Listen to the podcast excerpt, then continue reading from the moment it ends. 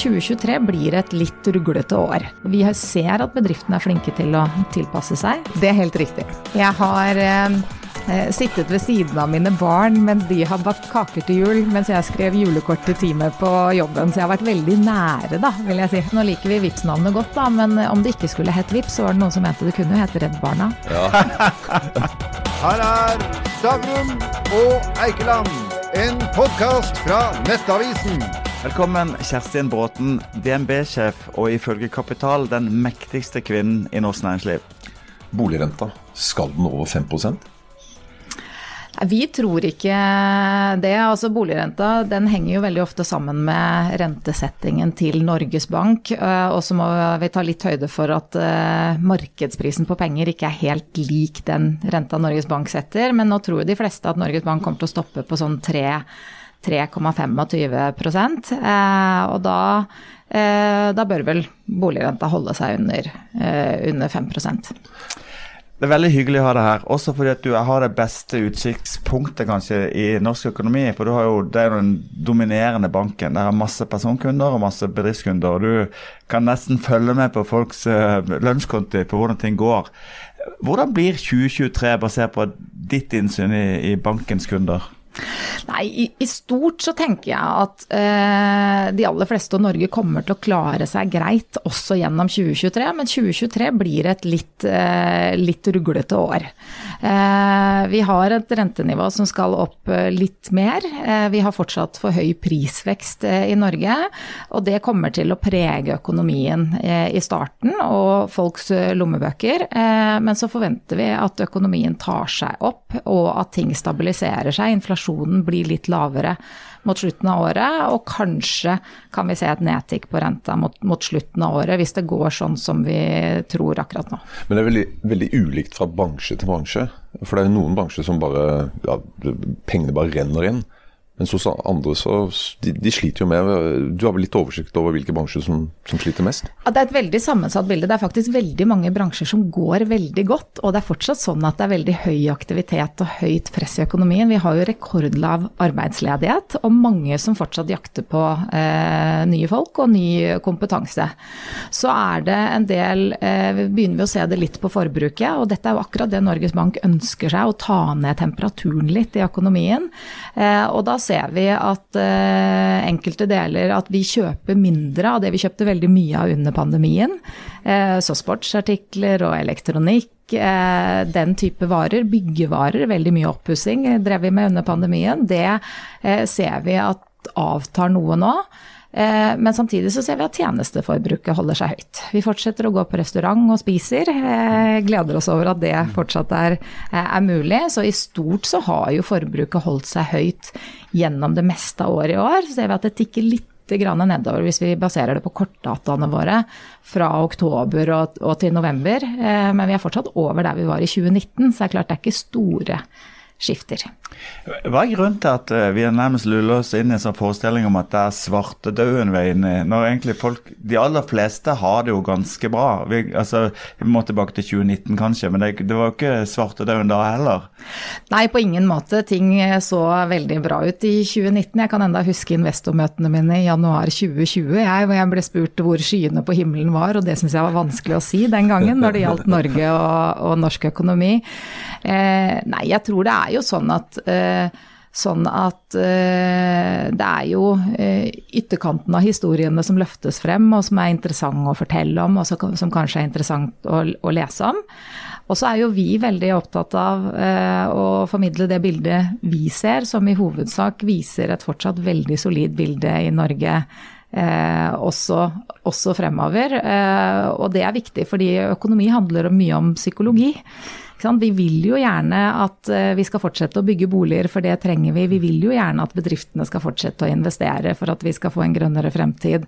Eh, og dette er det jo viktig at eh, vi bruker et bredt bilde til å hjelpe bedriftene å vurdere, ikke enkelthistoriene som selvfølgelig viser at enkelte har det vanskelig. Da. Det er klart. Vår generasjon, de fleste av oss har det jo godt. Altså Vi var heldige å komme inn i et boligmarked eh, når det var fornuftig priser og sånt. Og, men de unge nå som har kommet inn i eiendomsmarkedet, eh, de merker jo nå at den renta, boligrenta kanskje steger med ikke, 50 ish fra, fra bunnen. Eh, nå får de strømregninga i tillegg. De har et studielån som, som tikker og går. Det er ikke alle, altså det er ikke så rosenrødt for alle her. Nei, jeg tror at det er åpenbart eh, flere som eh, har det eh, trangere, og mange som må eh, se på forbruket sitt og gjøre justeringer. Og jeg tror det er ganske lenge siden eh, mange var der da, i Norge, fordi vi har levd med, med, lave renter, vi har levd med lave strømpriser, vi har levd med lav inflasjon og en økonomi som går, eh, som går godt. Og så er det jo samtidig sånn at Eh, vi og alle banker tester jo betjeningsevne med ganske mye høyere renter enn det, eh, enn det, det var da, da, vi ga lån den gangen renta, referanserenta var null. Eh, så kundene blir liksom testet for å tåle en 5 prosentpoeng økning. Eh, sånn at eh, eh, bankene tar høyde for at det rentebildet skulle, skulle endre seg. Eh, men at mange må se på å justere forbruket sitt, eh, det, det, er nok riktig. Så vi må opp i sånn 7 pluss før det virkelig begynner å bli alvor i norsk økonomi?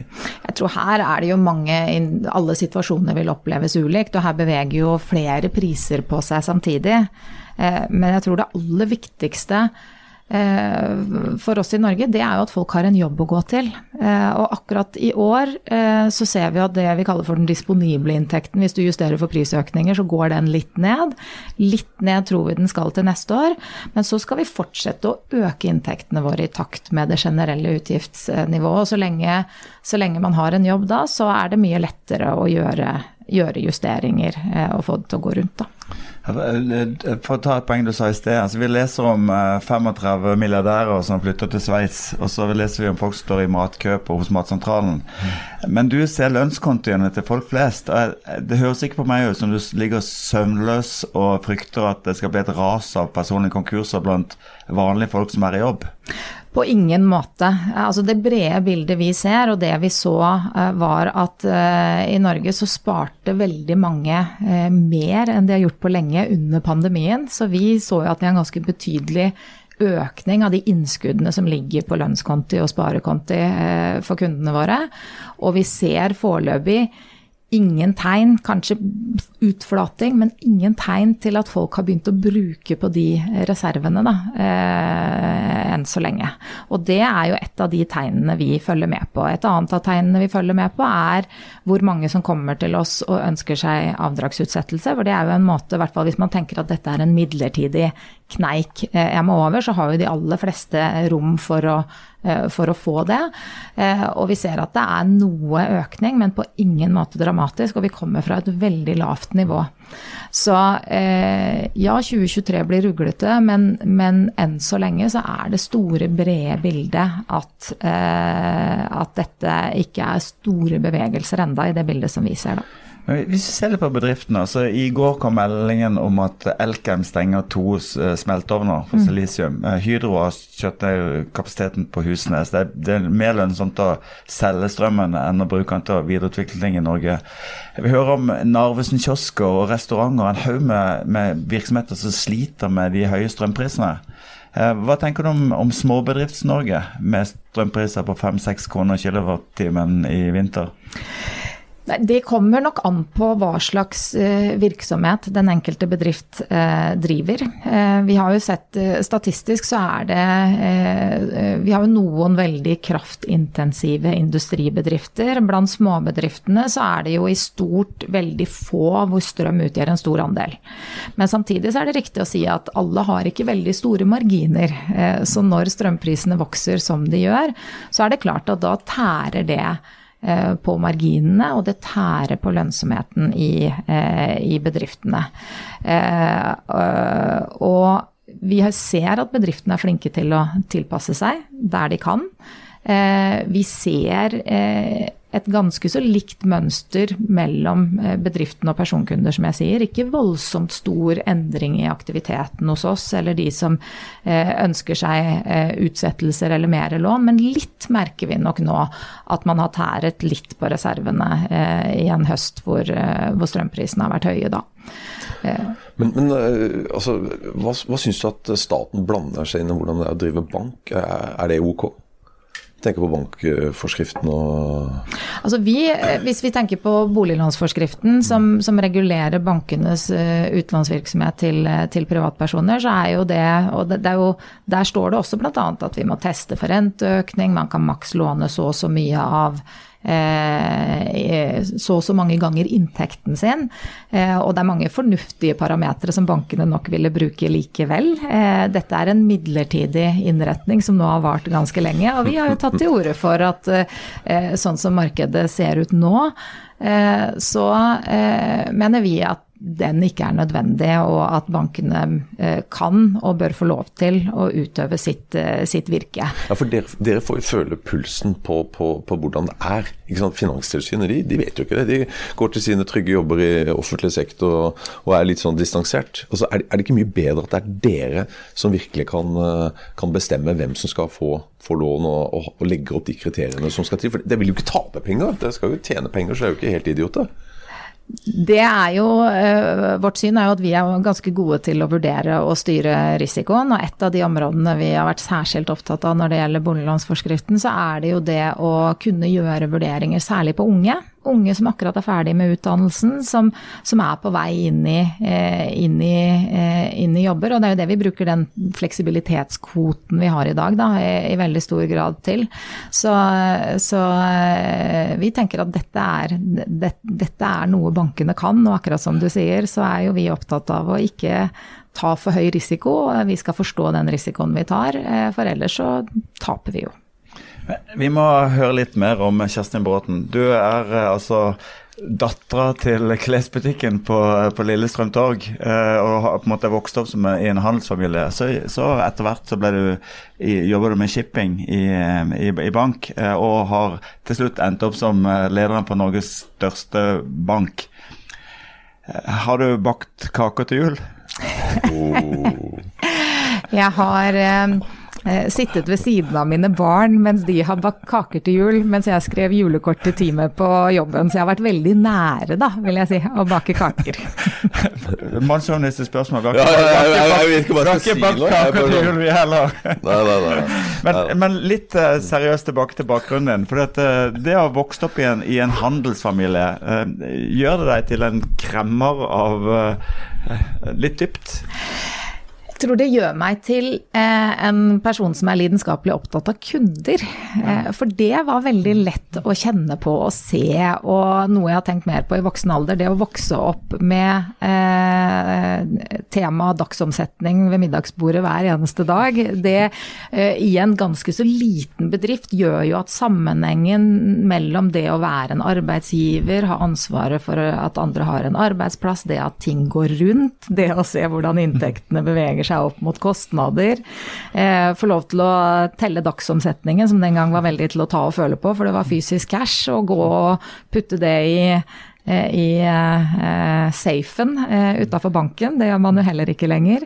Det ga et veldig sånn nærhet til det, det verdiskapning tross alt handler om. Da. Ja. Eh, men der var vi jo helt avhengig av eh, kundene og kundeopplevelsene, og de får du jo ganske, eh, ganske rask beskjed om. Jeg elsker å jobbe, i, å jobbe i butikk, og det kunne jeg fortsatt gjerne, gjerne gjort, fordi at jeg elsker å jobbe med kunder. Og det å klare å levere noe som kundene blir fornøyd med, da, det er stas. Du kan, kan du gå ned på Karl Johan, da, og så i butikken der. Der kan du gå og stå litt.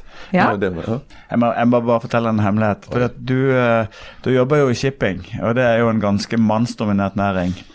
Uh, og det er riktig å si at du er, du, du, var, du er, egentlig ikke så voldsomt fotballinteressert, men du skjønte at når du snakka med disse meglerne, så måtte du jo være fotballinteressert? Det er helt riktig. Og det er jo litt uh, Det var egentlig jeg som var kunden den gangen jeg snakket med disse skipsmeglerne, men, men jeg tror jo det, det grunnleggende også i å jobbe med kunder handler jo om uh, å etablere et tillitsforhold. Mm. Må, og det tillitsforholdet kan du ikke etablere gjennom å snakke om fotball, men, men det å finne litt sånn common ground, da, og forsøke å finne noe som er eh, en win-win. Eh, og den gangen vi solgte klær, så eh, var jeg jo opptatt av å finne noe de ville kjøpe, men ikke hvis de ikke kledde det. Eh, så jeg var ganske opptatt av å faktisk i hvert fall være veldig tydelig på at den er bedre enn den. Det var ikke å selge for enhver pris. Men, men hvordan kan du ikke være interessert i fotball når du har vokst opp rett ved Åråsen og i Tom Lunds glanstid? Altså, Nå er jeg Start-fan, altså, men likevel, jeg husker Tom Lund. Dette er veldig dårlig for mitt rykte. Ja, nå, er ikke men eh, jeg, eh, det er ikke noe tvil om at LSK har vært og er veldig viktig for en by som Lillestrøm, og for handelsnæringen på Lillestrøm. Så sånn sett så burde jeg elske fotball. Jeg gikk jo til og med i klassen med datteren til Tom Lund. Ja, der ser du. Ikke sant? Så jeg så på VM-finalen, altså. Ja, du gjorde det. Ja, men det er bra. det er bra. Men du, jeg bare på, altså, når vi først er inne på sånne personlige ting og sånn. eh, du har akkurat kjøpt ny, ny bolig. Uh, og så så jeg bare sånn tilfeldigvis at i august så hadde du ikke klart å selge den gamle. Er den solgt nå? Den er ikke solgt. Den er ikke solgt? Nei. Ok, Så du får føle litt sånn på, på kroppen hvordan er, mange boligeiere har det, da. For det er, jo, det, er jo, ja, det er jo ikke noe gøy å sitte med to boliger. Eh, det er jo mye penger, dette her. Ja, det er det. Så kommer vi nok til å selge den etter hvert, tenker jeg. Det er planen. Ja, ok. Siden, ja. siden vi nå er i, i, i, i tiden for cheap shots, så har du vel gode sånn ansattelån i DNB? Vi har, jeg tror fortsatt det er gode, eller jeg vet at det er fortsatt veldig gode ansattelån i uh, De hadde, eh, Gunnar. De hadde, Gunnar. Hvorfor hadde de? Ja. Vi har fortsatt gode. Ja, ja, Men du, ta, altså DNB det er jo Norges desidert største bank. Altså Dere har jo et samfunnsansvar, ikke bare for private husholdninger, men også for, for, for næringsliv. Og Hvis ikke jeg husker helt feil, jeg husker ikke helt tallet, men dere har jo veldig lite tap. Eh, Sånn generelt sett på næringsliv når dere låner. ikke sant? Tar dere nok risiko? For dere skal jo ha litt tap. Ja, men det, en bank skal ikke ha så veldig mye eh, tap. Eh, det er ikke mange basispunkter, som vi kaller det. Du kan ikke tape prosenter i bank. Da forsvinner, eh, da forsvinner nok, eh, nok hele fortjenesten. Så det å drive god kvalitet og ikke tape for mye over tid, det er jo en veldig viktig del av forretningsmodellen. Men i forretningsmodellen vår så, så tar vi jo risiko. Og det betyr at eh, det vil komme tap. Men eh, det, det vi har sett historisk er jo at eh, stort sett så kommer jo ikke de tapene sånn gradvis. Eh, det er jo heller i perioder. Det har jo skjedd ekstremt mye med bank når det gjelder digitalisering. Og det å være bankkunde på en måte blitt et mareritt med bank-ID som mange eldre sliter med. Og DNB har jo virkelig vært i trøbbel på det punktet med å kjenne sine kunder og ha lange køer med folk som dere ikke vet hvem er. Eh, hvordan har den sommeren vært?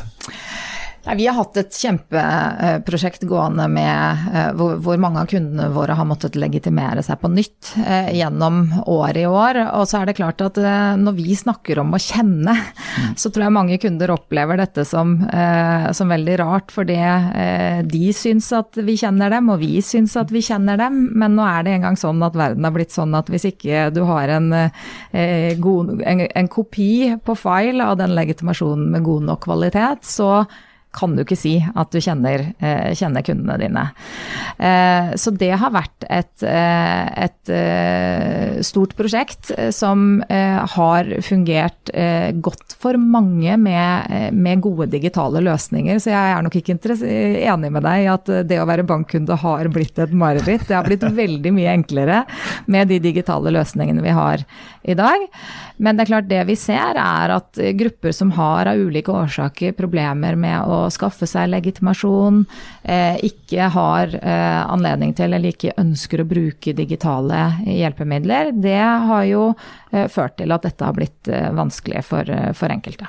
For enkelte var det jo sånn, de kunne bare gå og skaffe seg pass. Not. Det var jo ikke, det var ikke lett å få legitimasjon heller. Men det, det er jo ikke deres feil. Det, er riktig, så vi, jo, vi jobber jo med kunder. Nå er vi eh, helt på tampen av eh, å, å ferdigstille eh, det, dette arbeidet. Men det er jo flere som fortsatt står i kø for å få pass, og det har vært en av de tingene vi må forholde oss til. Og hjelper selvfølgelig de kundene med utsettelse som ikke har Men, ja, Men, men, men det jeg egentlig var på vei mot, det var, det var be, betalingsformidling og VIPS, og på et punkt hvor, måte, hvor DNB jo var, ekstremt innovativ og tidlig ute, eh, men hvor det fortsatt er eh, Juryen er fortsatt ute på om Vipps f.eks. kommer til å vinne i forhold til uh, Apple Pay eller de store gigantene. Hva tenker du rundt det? Jeg tror juryen kommer til å være ute hele tiden jeg, på hvem som kommer til å vinne, og det tror jeg er bra for kundene. For det er jo det som setter fyr på Vipps og oss alle andre for hele tiden jage etter eh, de gode og enkle og nye og bedre løsningene for, eh, for kundene. Eh, vi ser at vi har eh, en fantastisk økning i bruk av VIPS, og at betaling stadig endrer seg. Altså det å kjøpe ting når du står og venter på bussen med QR-koden f.eks. Det å, eh, det å eh, redusere friksjonen, det å standardisere betalingsmåte på ladestasjoner for elbil f.eks. er jo noe av det siste som, som VIPS har gjort. Og nå har, slått, nå har de akkurat slått seg sammen med Eh, MobilePay, som er Danmarks svar på VIPS, mm. som gjør at, uh, gjør at, vi også kan over tid lage løsninger for, på, på, tvers av landegrensene. Og så skal du ikke glemme at VIPS etter hvert har blitt et viktig sosialt medium hvor vi foreldre kan holde kontakt med ja. barna våre. Ja. Du vet at jeg har hørt enkelte foreslå et annet navn på VIPS. Nå liker vi VIPS-navnet godt, da, men om det ikke skulle hett VIPS, så var det noen som mente det kunne jo hete Redd Barna. Ja. du vet, det er, det er helt riktig. Altså. For glem renteøkning, glem strøm. Vips er det dyreste som har skjedd barneforeldre. Altså.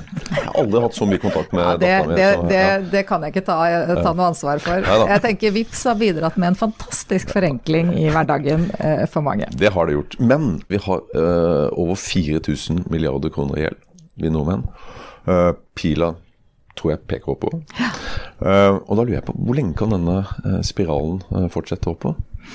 Jeg tror det er helt riktig det at hvis man sammenligner Norge med andre land og ser på husholdningene, så har vi, eh, så har vi høy gjeld i forhold til inntekter. Eh, men så tror jeg det er viktig å se på flere ting enn bare den gjelda. Det er viktig å se på at Norge er faktisk det landet i verden hvor jeg tror flest eier sin egen bolig. Og det har vært en helt bevisst eh, politikk og en viktig del av den personlige økonomien til mange. Det vi ser er jo at hvor mye gjeld våre kunder har i forhold til verdien på boligen sin, det har jo eh, bare gått ned eh, og ned. Eh, og så er det som sagt det å kunne betjene den eh, gjelden som er viktig, og da er det viktig at folk har, eh, har, jobb. I tillegg så er vi jo så heldige og privilegerte at vi lever i et av verdens rikeste land, så veldig mye av verdiene i Norge forvaltes jo på det offentliges hånd. Så i stort, for å tenke robusthet, så, så er det viktige elementer å ta med som gjør at vi ikke er bekymret i stort for gjeldsnivået totalt sett i Norge. Problemet i økonomien er på en måte at det kommer stadig trusler vi ikke så. Det var ingen som tenkte på pandemien når du ble intervjua sånn i januar 2020. Eh, det var ingen som tenkte at Putin skulle invadere Ukraina. Eh, hvilke av den type risiko ser du på? Jeg tror det er viktig å skille mellom Eller det er lett jeg, jeg, tror mange som i hvert fall jobber i den bransjen eh, jeg jobber i, syns det er enklere å forstå økonomisk risiko enn geopolitisk risiko. Eh, og selv om det er lenge siden vi har sett økende renter, så høy inflasjon som vi har sett nå, et, et tilbud, tilbudssjokk som jo kommer av både pandemi og, og, og krig, eh, som, som, forstyrrer verdikjedene, eh, som har blitt veldig sånn finstemte, eh, det er det er lenge siden vi har sett det, men det er kjent materie. Eh, jeg tror mange sentralbanker rundt i verden har ført seg litt på hæla og vært litt eh, seine med å komme i gang med rentejusteringen, og kanskje har sett i ettertid at det var litt mye støtte under pandemien som, som fyret opp eh, økonomien vel mye. Men jeg tror jeg opplever samtidig at de er ganske trygge på at de skal få bukt med dette. Dette klarer vi, og vi stort i samfunnet å, å justere, justere inn. Og så er det vanskeligere med det geopolitiske. Eh, for det er mer eh, uforutsigbart. Eh, men, men i stort så tenker jeg at vi må fokusere på å gjøre noe med det vi kan gjøre noe med. Og i en relativ kontekst da, så sier jeg alltid at eh, vår jobb er ikke å spå fremtiden, fordi den er alltid uforutsigbar. Det er alltid noe nytt som kommer rundt, rundt neste hjørne. Men eh, jeg kan ikke tenke meg et bedre sted å være enn Norge for å tåle en litt mer rufsete framtid. Men det er ikke alle som er enig med deg at Norge er et bra sted å være. Eh, det er jo mange som har flytta litt på seg. Mm. Sveits og eh, Sverige. Hvis ikke jeg tar helt feil, så er det vel over 400 milliarder kroner som er blitt borte. Mm. Frykter du sånn fremover, ikke neste år, men litt på, på, på litt sikt, at, uh, at, vi mister for mye privat kapital? Norge er et land som har eh, eh, lite privat kapital, og er faktisk mye mer avhengig av de internasjonale kapitalmarkedene enn noen av landene rundt oss, eh, av ulike eh, grunner. Eh, så jeg tror det ene perspektivet er kapital. Det andre er jo at vi er ikke så mange mennesker. Og vi har ganske mange muligheter i det bildet som er foran oss, men vi vet også at vi må skaffe oss noen nye ben å stå på etter hvert som oljeindustrien blir en mindre viktig del av, av økonomien. Og da trenger vi jo både drivkraften til individer og kapitalen eh, for å bygge eh, broen til denne nye fremtiden da, som Norge skal leve av. Altså det er klart, det er vi opptatt av, og da er jo næringsliv og verdiskapning viktige viktige elementer i det bildet. Og da starter dere et sånt uh, megastort filial i Zürich, da? Vi har jo eh, mesteparten av virksomheten vår i Norge, men, eh, men, vi jobber jo også globalt innenfor en, del, eh, innenfor en del industrier. Og de kundene vi jobber med, betjener vi jo, eh, vi jo hvor de er. Eh, men det er klart, vi er Eh, vi er eh, en institusjon som lever i takt med norsk økonomi. Så Derfor så er vi jo opptatt av norsk økonomi i det korte og det lange, eh, lange bildet. Og da, da, da, er vi jo opptatt av at verdiskapningen og utviklingen i Norge går i riktig retning.